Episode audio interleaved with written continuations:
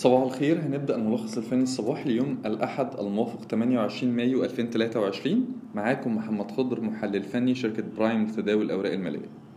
EGX 30 طول ما هو تحت ال 17200 الاتجاه لا يزال هابط على المدى القصير.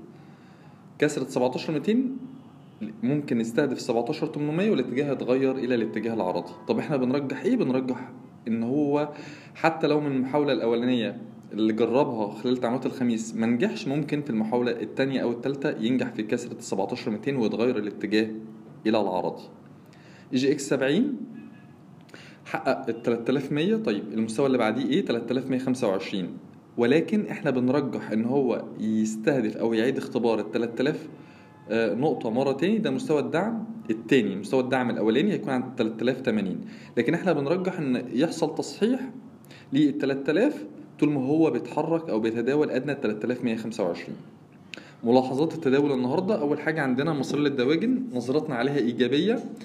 آه، النظره الايجابيه دي معناها إيه؟ معناها إن هو ممكن يستهدف 3 جنيه طول ما هو فوق ال 42 تاني حاجة construction نظرتنا عليها إيجابية ممكن يستهدف ال 115 طول ما هو فوق ال 102 تالت حاجة عندنا Sharm Dreams نظرتنا برضو عليها إيجابية ممكن يستهدف السبعة جنيه طول ما هو بالتداول أعلى الستة جنيه.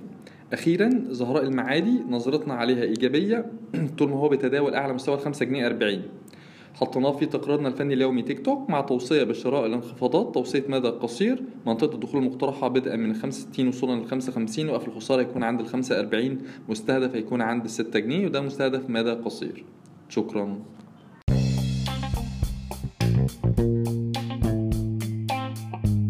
يرجى العلم أن هذا العرض هو لأغراض معرفية فقط، ولا يمكن اعتباره عرض أو توصية شراء أو بيع أو إدارة استثمارات أو خدمات استشارية. ينصح باستشارة مستشارك المالي قبل اتخاذ أي قرار استثماري، علماً بأن الأداء التاريخي ليس مؤشراً يعتمد عليه لتحديد الأداء في المستقبل.